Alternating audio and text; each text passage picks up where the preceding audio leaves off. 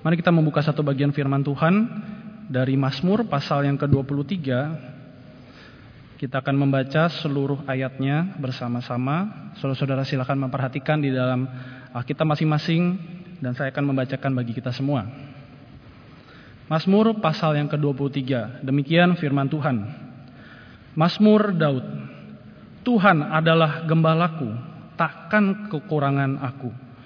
Ia membaringkan aku di padang yang berumput hijau. Ia membimbing aku ke air yang tenang. Ia menyegarkan jiwaku. Ia menuntun aku di jalan yang benar oleh karena namanya.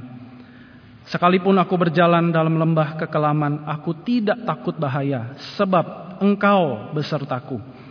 Gadamu dan tongkatmu itulah yang menghibur aku. Engkau menyediakan hidangan bagiku di hadapan lawanku. Engkau mengurapi kepalaku dengan minyak. Pialaku penuh melimpah. Kebajikan dan kemurahan belaka akan mengikuti aku seumur hidupku. Dan aku akan diam dalam rumah Tuhan sepanjang masa. Sedemikian jauh kita baca firman Tuhan pada malam hari ini. Saudara-saudara saya akan memulai perenungan firman Tuhan pada malam hari ini dengan sebuah cerita yang terinspirasi dari sebuah kisah nyata dari seorang pemuda ya. Saudara-saudara kalau kisah yang terinspirasi berarti kisahnya ada ya, tapi saya coba sedikit reka ulang gitu ya, sedikit modifikasi sesuai dengan apa yang akan kita renungkan pada malam hari ini. Nah saudara-saudara suatu kali ada seorang pemuda yang hidupnya itu punya moto dari Mazmur 23 ini. Khususnya ayat yang pertama ya. Tuhan adalah gembalaku takkan kekurangan aku. The Lord is my shepherd, I shall not want. Nah suatu kali saudara-saudara di dalam pergumulan hidupnya ketika dia saat itu baru putus pacar, baru e, menggumulkan sedang mau pindah kerja kira-kira begitu. Dan dia terpaku dengan sebuah buku yang berisi tentang bagaimana uh, seseorang itu menjalani kehidupan spiritual dan juga tentang bagaimana memimpin hidup diri sendiri sebagai seorang Kristen. Nah, saudara ketika pemuda ini sedang membaca buku itu, sedang merenungkan kehidupannya, dia baru putus, aduh bagaimana ya, saya apakah masih bisa menikah begitu.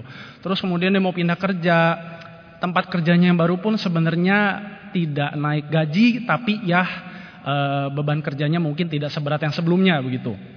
Kemudian dia merenungkan juga tentang kehidupannya sampai saat itu dan dia terus-menerus uh, merenungkan Mazmur 23 ayat 1 ini. Apakah Tuhan itu betul-betul gembalaku? Apakah aku betul-betul cukup bersama dengan Tuhan? Kira-kira begitu ya. Sambil dia baca buku, kemudian ada seorang hamba Tuhan menghampiri dia. Ajak dia ngobrol, kemudian di dalam obrolan itu, anak muda ini bertanya kepada hamba Tuhan ini. Menurut Bapak, Mazmur 23 ini benar nggak ya? Apakah bagi seorang hamba Tuhan seperti Bapak, Tuhan itu cukup? Tuhan adalah gembalaku, takkan kekurangan aku. Benar nggak Pak? Tuhan cukup nggak? Apakah hanya sama-sama Tuhan aja tuh cukup? Saudara seorang pemuda ini pasti mengharapkan jawaban yang sangat brilian, yang sangat mencerahkan dari seorang hamba Tuhan. Tapi waktu itu dia mendapati sebuah jawaban yang mencengangkan.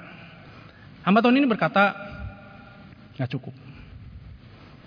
Dengan serentetan penjelasan kemudian hamba, hamba Tuhan ini berusaha meyakinkan anak muda ini kenapa Mazmur 23 ayat 1 ini tuh gak relevan buat dia sebagai hamba Tuhan. Dan anak muda ini terus menerus memikirkan gila hamba Tuhan aja ngomong gak cukup. Terus gimana dengan gua? Gimana dengan gua yang baru putus pacar, nggak tahu ntar bakal bisa nikah apa enggak, ada yang mau sama gua atau enggak begitu. Gua mau pindah kerja, gaji nggak naik, apakah benar Tuhan cukup buat gua? Apakah selama ini ternyata Mazmur 23 ini cuma ngomong kosong? Hamba Tuhan aja ngomong gak cukup.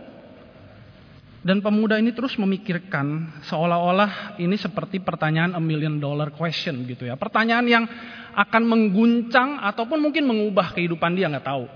Apakah bersama Tuhan saja cukup? Nah saudara, apakah mungkin pertanyaan ini juga yang membawa kita mengawali perenungan firman Tuhan sekaligus mengawali tahun 2021?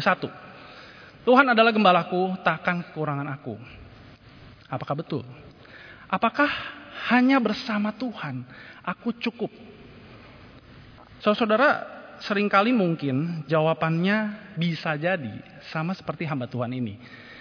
Kita merasa frasa ini too good to be true Nggak mungkin lah masa benar sama Tuhan doang cukup.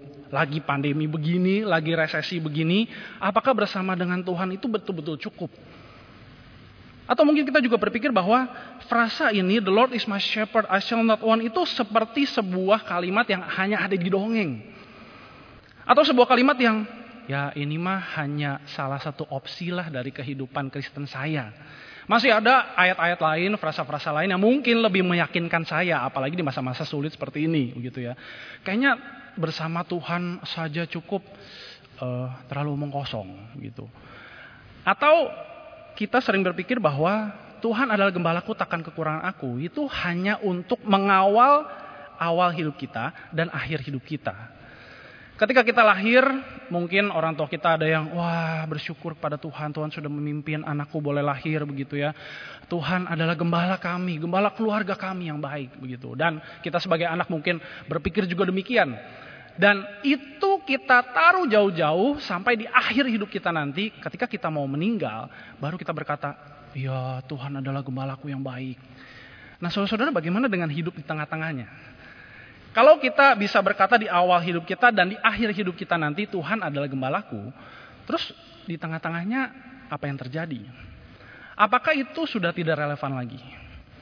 Nah, saudara, mari kita merenungkan bagian ini dengan melihat dari perspektif ini. Kalau selama ini kita berpikir seperti mungkin anak muda ini bertanya-tanya sampai dia tanya hamba Tuhan, hamba Tuhan pun memberikan sebuah jawaban yang uh, aneh, mencengangkan, nggak cukup bersama Tuhan. Lalu apakah Mazmur ini sudah tidak relevan lagi? Apalagi di tengah keadaan sulit seperti ini. Sehingga mungkin saudara-saudara, di dalam perenungan kita, kita seperti menafsir ulang Mazmur 23 ini. Saudara izinkan saya mencoba untuk menerka selama ini bagaimana kita memahami Mazmur 23 ini. Dan mungkin tafsiran seperti ini yang kita sedang jalankan dengan berbagai perspektif tadi yang coba saya sebutkan gitu ya. So, saudara dengan memahami bahwa kayaknya Mazmur 23 ini kurang relevan. Maka aku mencoba menafsirkan sendiri, kita mencoba untuk menafsirkan sendiri Mazmur ini dengan menjalani seperti berikut ya. Sambil mungkin membayangkan kalau kita suka lihat ya, ada ayat e, Tuhan adalah gembalaku. Itu tuh fotonya kayaknya bagus sekali ya. Tuhan Yesus sedang menggendong seekor domba, terus kayaknya mukanya agak senyum sedikit liatin domba itu. Ih, lucu sekali kamu ya si dombi ini. Nah, mungkin kita berpikir akan menafsir seperti begitu nuansanya ya. Sangat indah sekali begitu.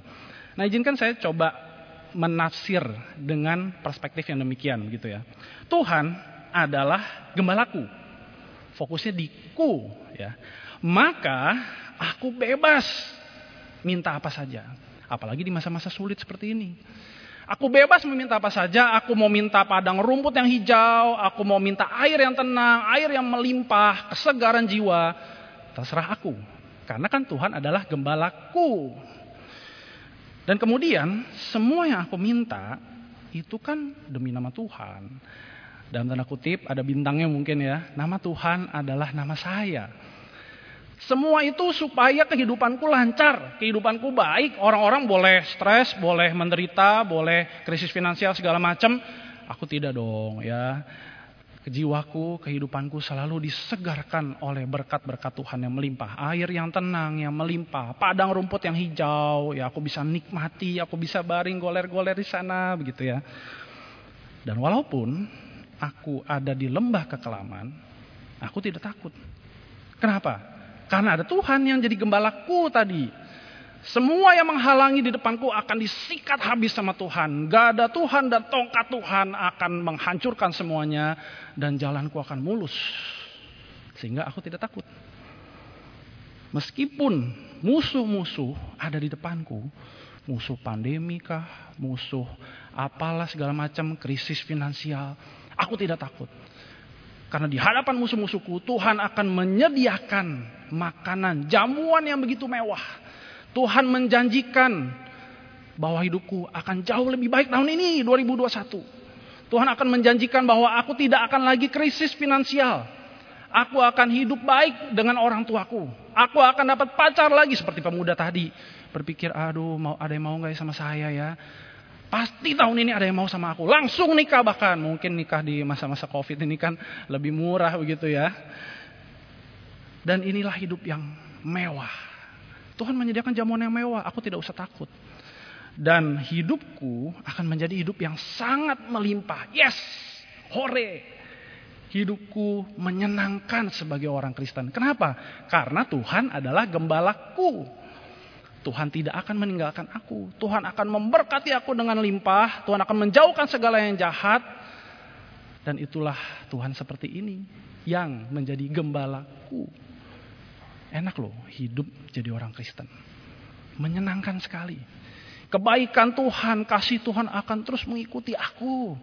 Aku tidak perlu diikuti lagi oleh ketakutan, tidak perlu diikuti lagi oleh rasa gentar, bimbang, gelisah, galau, stres, depresi. Karena yang mengikuti aku adalah kasih Tuhan, kebaikan Tuhan, berkat Tuhan. Hore, hidupku enak karena Tuhan adalah gembalaku. Saudara, kalau kita menafsir seperti ini, dan mari kita coba tabrakkan itu dengan realita hidup kita sekarang. Hidup yang terus dirundung oleh rasa ketakutan, setiap hari ada saja kegelisahan, setiap hari ada kekhawatiran. Mungkin di antara kita ada yang berpikir, besok aku harus kerja seperti apa ya? Aku baru saja di layoff. Aku baru saja lulus, aku belum dapat pekerjaan yang layak. Aku cuma part time. Bagaimana dengan masa depanku? Lalu kita menafsir Mazmur 23 seperti ini. Kita memahami Mazmur 23 seperti ini. Dan realita hidup kita tidak seperti ini. Berbeda sekali. Apa yang terjadi? Apakah mungkin kita makin merasa, wah, ini firman Tuhan ngomong kosong. Mana ada cukup bersama dengan Tuhan. Aku semakin yakin, ah nggak cukup. Kalau gitu aku harus usaha sendiri. Aku harus berusaha, bahkan kalau perlu Tuhan bukan gembalaku lagi. Aku yang menjadi gembala bagi kehidupanku sendiri. Dan ketika kita terus-menerus berada di dalam pemahaman seperti ini, bertabrakan dengan realita hidup kita, maka saudara, ketika itu semua hancur, bukankah kita sedang berhadapan dengan kekecewaan lagi, kegelisahan lagi, stres lagi, depresi lagi. Segala hal yang buruk itu sedang mengejar kita. Kalau kita memahami dengan kerangka pikir seperti ini, khususnya memahami Mazmur ini. Kita terlalu sering melihat gambaran Tuhan adalah gembalaku itu indah sekali. Aku adalah domba yang digendong tadi itu loh. Di lukisan itu. Mana mungkin aku mengalami hidup yang buruk. Tapi saudara-saudara mari saya mengajak kita dari pemahaman seperti ini. Dengan realita hidup kita Mari kita memahami Mazmur 23 ini dengan cara yang lain dalam tanda kutip. Saudara-saudara sebelum saya mencoba mengajak kita untuk kembali menafsir ulang Mazmur ini, saya mengajak kita melihat kehidupan dari seorang Yakub. Saudara di kitab Kejadian, hidup Yakub itu penuh dengan lika-liku. Hidup Yakub itu penuh dengan penuh dengan tipu-tipu sana sini. Sampai akhirnya Tuhan membawa dia kepada sebuah kehidupan juga yang ada kesulitannya. Istri yang dia kasihi meninggal, anak yang dia kasihi Yusuf itu dia kira mati gitu. Dan di akhir hidupnya kalau kita lihat di kejadian pasal 47 dan 48, di sana dia sudah akhirnya tiba di Mesir, berjumpa dengan Yusuf anak kesayangannya, anak bontotnya pun Benyamin akhirnya tidak jadi diambil begitu ya karena itu bagian dari drama Yusuf mencoba untuk menegur kakak-kakaknya saudara-saudaranya begitu. Dan kemudian di sana Yakub hidup dengan kenyamanan setidaknya untuk sementara di Mesir. Hidupnya sudah enak, dia sudah kembali berjumpa dengan Yusuf. Puji Tuhan, mungkin dia pikir begitu ya. Di masa tuaku, akhirnya aku bisa hidup dengan cukup nyaman. Dan di dalam sebuah kesempatan, dia diajak oleh Yusuf untuk memberkati Firaun.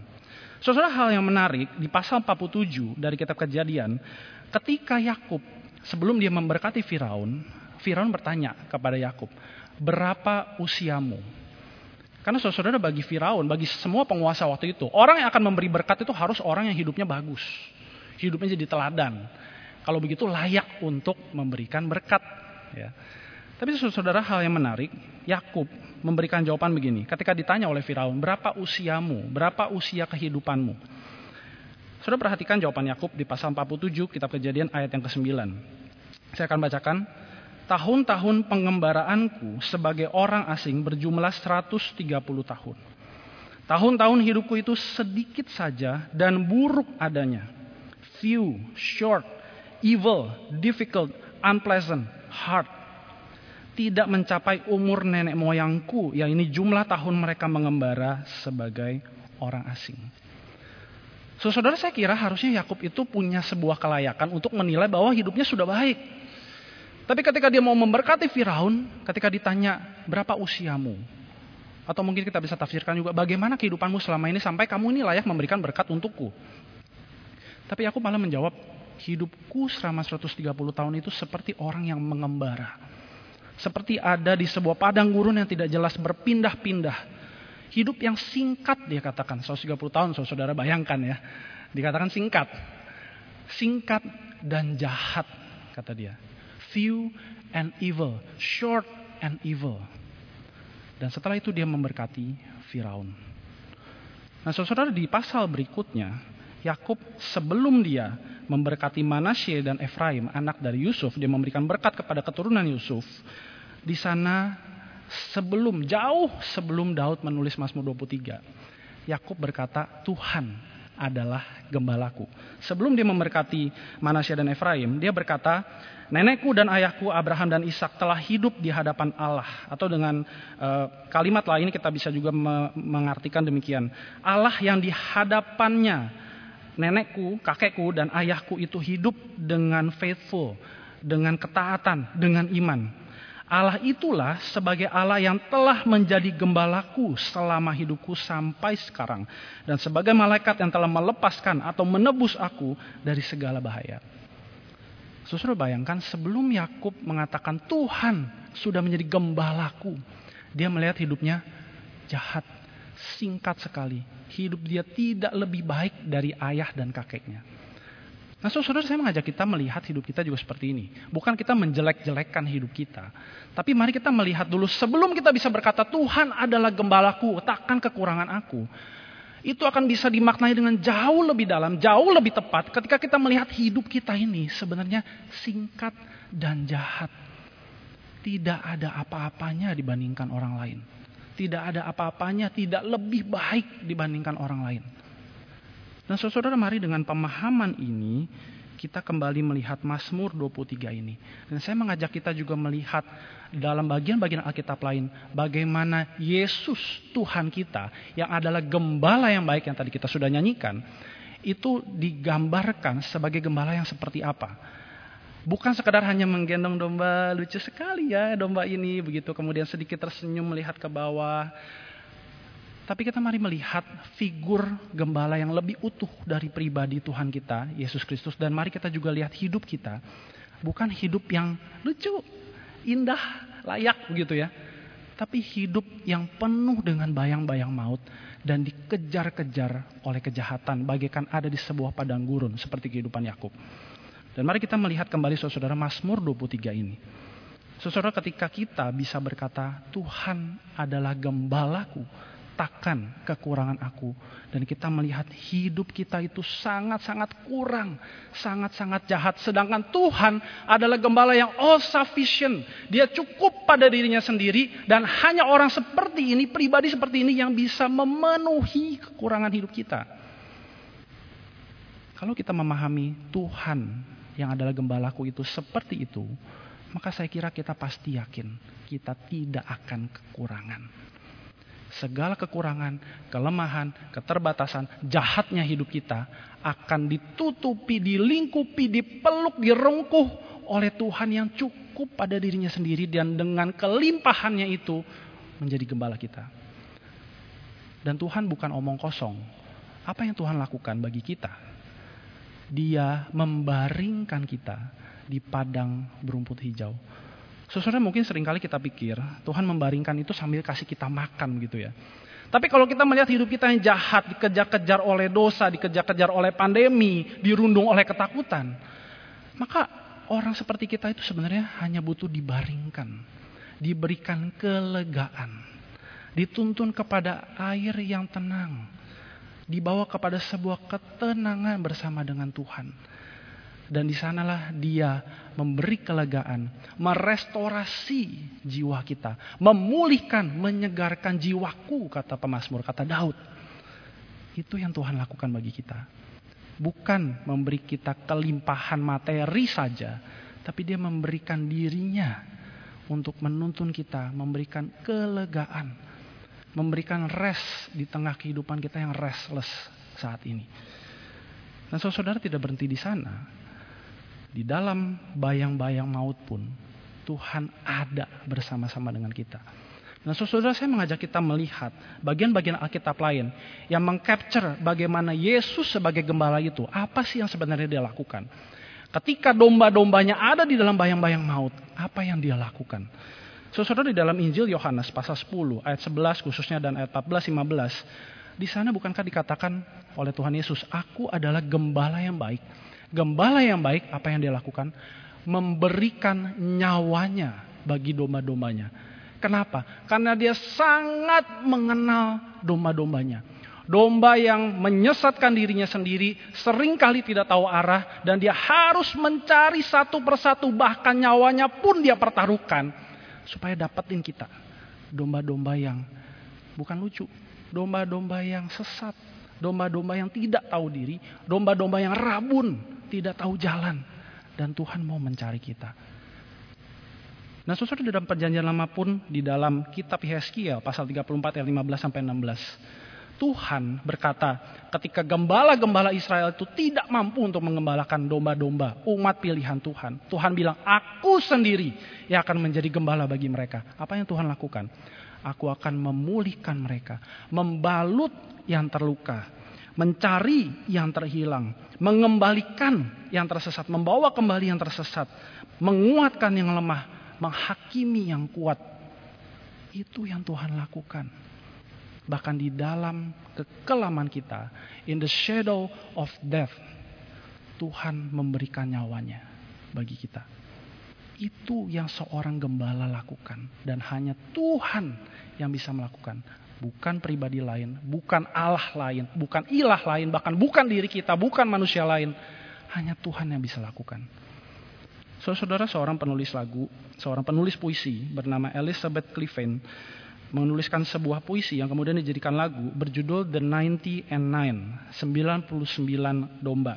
So, saudara Elizabeth Cliffen ini juga menulis sebuah himne yang mungkin kita juga lebih kenal gitu ya, di bawah salib Yesus, beneath the cross of Jesus. Namun di dalam puisi dia yang lain, The 90 and 9 ini, di dalam beberapa liriknya, di dalam beberapa bait dari puisi itu, dia menggambarkan bagaimana Kristus sebagai gembala itu mencari domba-domba yang terhilang di tengah bayang-bayang maut. Dalam salah satu bagian, di dalam dua bagian, tepatnya dia berkata begini, But none of the ransom ever knew how deep were the waters crossed, nor how dark was the night that the Lord passed through before he found his ship that was lost. Setiap kita manusia berdosa, orang-orang tebusan ini, umat tebusan, tidak pernah benar-benar tahu betapa dalamnya sungai yang Tuhan lewati, betapa gelapnya malam yang Tuhan lewati untuk menyelamatkan kita. Hanya satu jiwa pun dia rela melewati itu semua. Di dalam bagian lain dikatakan juga oleh Elizabeth Cliffen, Lord, from where are those blood drops all the way that mark out the mountain track? They were shed for one who had gone astray before the shepherd could bring him back. Lord, why are your hands so rent and torn? They are pierced tonight by many a thorn. Saudara, pernahkah kita pikir berapa banyak resiko yang harus Tuhan tanggung untuk menyelamatkan kita, mencari kita, menemani kita di tengah lembah-lembah kekelaman? Di dalam lembah yang paling kelam di dalam hidup kita, mungkin saat ini, mungkin sudah kita lewati, mungkin akan kita lewati. Di sana Tuhan menemani kita, bukan dengan sebuah pandangan yang lucu, tapi dengan tangan yang berdarah, dengan kepala yang terluka. Itulah gembala kita.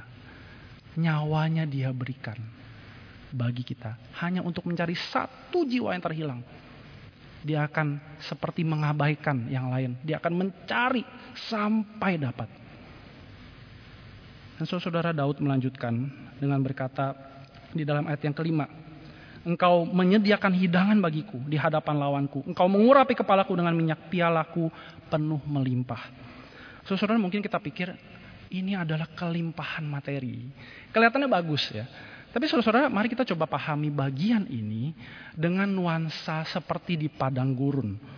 Saudara, seorang e, penafsir mengatakan bahwa bagian ini harus coba kita pahami ketika seperti kita ada di sebuah padang gurun. Padang gurun yang penuh dengan bahaya, ketidakpastian, banyak musuh mengancam, banyak bahaya mengancam. Dan di sanalah ketika kita mencoba menemukan keteduhan, ada sebuah tenda, tenda yang mungkin asing, isinya orang asing. Tapi di sanalah ketika kita masuk ke tenda itu, kita terhindar dari bahaya, kita disambut. Ada makanan, ada perteduhan sejenak, kita disegarkan kembali. Kemudian kita oke okay kondisinya untuk melanjutkan perjalanan di tengah padang gurun itu.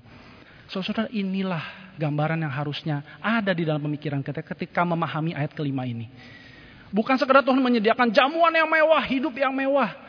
Tapi kita ini seperti buronan yang dihantui oleh dosa, di tengah padang gurun dosa. Dan kemudian Tuhan hadir seperti orang asing, kemudian memberikan kita kelegaan, perteduhan, menguatkan kita kembali, melayakkan kita kembali, mengurapi hidup kita, sehingga kita boleh kembali menjalani hidup dengan kelegaan, dengan kesegaran yang baru.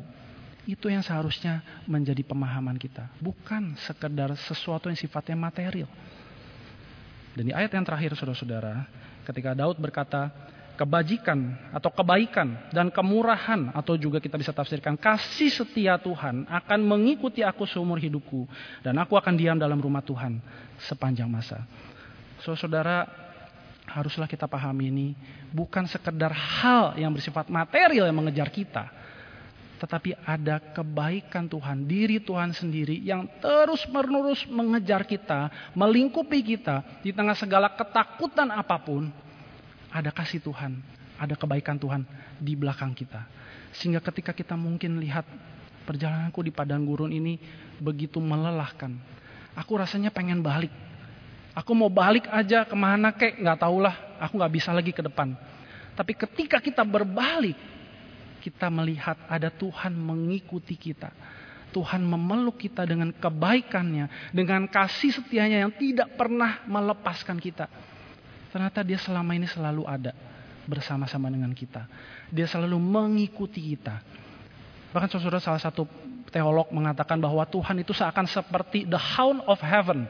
Anjing surga yang terus-menerus mengejar kita, mengikuti kita. Tapi bukan dengan pengejaran yang mengerikan. Tapi pengejaran yang penuh dengan kesabaran. Terus mengikuti, mengikuti kita. Sehingga ketika kita lelah, kita pengen berbalik. Kita ketemu lagi sama Tuhan. Ketika kita lelah, kita jenuh, kita takut, kita mau berbalik.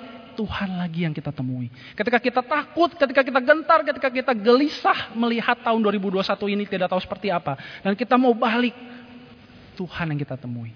Kebaikan Tuhan, kasih setia Tuhan yang kita temui setiap kali kita berbalik melihat ke belakang, ada Tuhan di sana. Tuhan tidak hanya menuntun kita di depan, tidak hanya menggandeng kita di samping, tapi selalu ada di belakang, siap untuk memeluk kita kembali, memberikan kelegaan bagi kita kembali. Tuhan seperti inilah saudara yang adalah gembala kita. Apalagi yang kita takutkan, apalagi yang menjadi kekurangan dari pribadi gembala seperti ini. Saudara, ketika saya di dalam sebuah retret, eh, kira-kira mungkin 15 tahun lalu begitu ya, ketika pendeta Jeffrey waktu itu masih menjadi pembimbing remaja, di sana saya ingat di malam terakhir, ketika mungkin saya waktu itu kelas 2 SMA begitu ya, saya mengambil komitmen di hadapan Tuhan dan mengatakan bahwa di dalam segala kepolosan saya, Mazmur 23 ini menjadi doa saya, dan ayat yang terakhir ini seolah menjadi doa saya sepanjang tahun itu. Dan saya berkata kepada Tuhan, Tuhan aku mau dikejar engkau terus menerus. Aku lelah dikejar oleh dosa, aku lelah dikejar oleh keinginanku, aku mau dikejar oleh Tuhan. Seorang misalnya yang masih polos, masih nggak terlalu memahami sebenarnya dikejar Tuhan itu maksudnya apa. Tapi di malam itu saya mencoba untuk berkomitmen di hadapan Tuhan, aku mau dikejar oleh Tuhan. Nggak apa-apa, Jangan sampai yang lain yang kejar aku. Aku mau dikejar oleh Tuhan. Dan saudara, Tuhan sungguh-sungguh membuktikan itu di dalam setiap langkah kehidupan saya. Saya pikir dikejar oleh Tuhan adalah yang penting Tuhan jagain saya lah ya. Seperti penggambaran tadi Mazmur 23, Tuhan gembala yang baik, saya domba yang lucu gitu ya. Tapi ternyata saya ini domba yang tersesat. Saya ini domba yang sering kali betul-betul nakal, menghiraukan Tuhan, lupa sama komitmen di setiap retret, di setiap KKR, bahwa Tuhan akan mengejar saya nggak apa-apa. Tapi saya malah makin jauh lari. Tapi justru semakin saya jauh lari, semakin saya tahu Tuhan tetap ada di belakang saya, mengikuti saya, mengejar saya terus. Ketika saya lelah dengan masalah relasi, percintaan, Tuhan ada di belakang saya. Ketika saya mau berbalik, yang saya temui adalah Tuhan. Tuhan yang bilang, tenang, masa depanmu itu ada di tanganku. Gak usah pikir, baru juga SMA, baru juga kuliah, putus cinta biasa aja bro, gitu ya masa depanmu ada di tanganku. Ketika di masa-masa kuliah saya dulu di Bandung, saya mengalami nasib satu koma. Ketika saya mau berbalik, saya rasa, ah sudahlah pulang saja. Paling di DO. Ketika saya berbalik, ada Tuhan yang memeluk saya. Dalam wujud orang tua saya yang tetap mendorong saya, nggak apa-apa, kamu belajar lagi, kamu coba lagi. Tiap kali saya berusaha balik dan mencoba untuk menyerah, ada Tuhan di sana dan Tuhan betul-betul terus kejar saya dalam setiap pergumulan apa pun di dalam kehidupan saya. Setiap kali saya mau berbalik, Tuhan ada di sana. Tuhan mengejar saya. Tuhan membalut saya. Tuhan memulihkan saya. Tuhan menyegarkan saya. Tuhan seperti inilah yang adalah gembalaku dan gembalamu. Apalagi yang masih kurang saudara-saudara? Apalagi yang masih kurang? Mari kita berdoa. Saudara mari datang pada Tuhan dan renungkan satu pertanyaan dari pemuda tadi. Apakah Tuhan sebagai gembalaku itu cukup? Cukupkah aku hanya bersama dengan Tuhan? Kalau mungkin selama ini kita pikir hidup ini bersama dengan Tuhan saja nggak cukup, nggak mungkin cukup. Aku harus mengusahakan yang lain. Tapi ketika kita mencoba memahami ulang, Tuhan menuntun kita untuk melihat bagaimana harusnya kita memahami frasa ini, Mazmur ini. Dan mari kita bertanya ulang. Apakah Tuhan hanya Tuhan saja itu cukup buat kita? Sebuah pertanyaan retoris yang jawabannya harusnya sudah pasti. Ya, hanya bersama dengan Tuhan sudah cukup bahkan lebih dari cukup datanglah kepada Tuhan. Renungkan pertanyaan ini. Dan biarlah ini menjadi pertanyaan yang besar yang membawa kita mengawali 2021 bersama-sama dengan Tuhan. Bersama dengan Tuhan.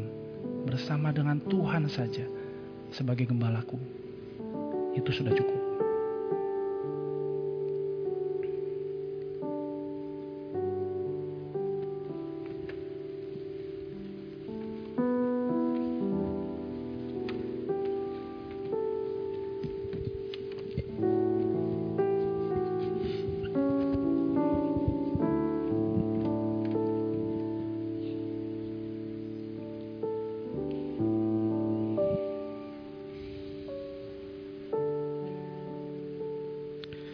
Bapa di dalam surga, kami tahu berulang-ulang ya Tuhan kami dengar bahwa kami punya Tuhan bersama dengan Tuhan itu cukup. Tapi jujur kami akui ya Tuhan betapa sulit sulit sekali untuk kami sungguh-sungguh memegang itu. Sulit sekali untuk kami sungguh-sungguh percaya dan hidup seperti demikian. Kami punya banyak kekhawatiran, kami punya banyak keinginan, kami punya banyak hal ya Tuhan yang mengganggu hidup kami. Dan selalu bagi kami yang cukup adalah kalau semuanya terpenuhi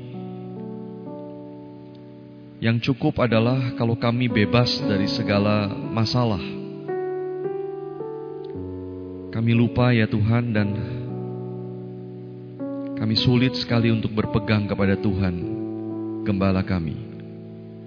Tuhan yang senantiasa ada bersama dengan kami, Tuhan yang ada di depan, di masa depan kami, dan Tuhan yang juga terus menolong kami dan menopang kami ketika kami jatuh. Tuhan ampuni kami yang lemah. Ajari kami percaya lagi kepadamu. Kuatkan hati kami, iman kami untuk terus berharap kepadamu. Dan Tuhan bimbing hidup kami. Jadilah gembala yang baik bagi kami ya Tuhan. Terima kasih Tuhan untuk malam hari ini. Terima kasih untuk apa yang boleh kami renungkan bersama-sama. Dan untuk segala doa yang kami panjatkan, Tuhan dengar semuanya. Terima kasih ya Tuhan. Dalam nama Tuhan Yesus kami berdoa. Amin. Suara persoalan doa kita sampai di sini. Tuhan berkati setiap kita. Selamat malam, saudara.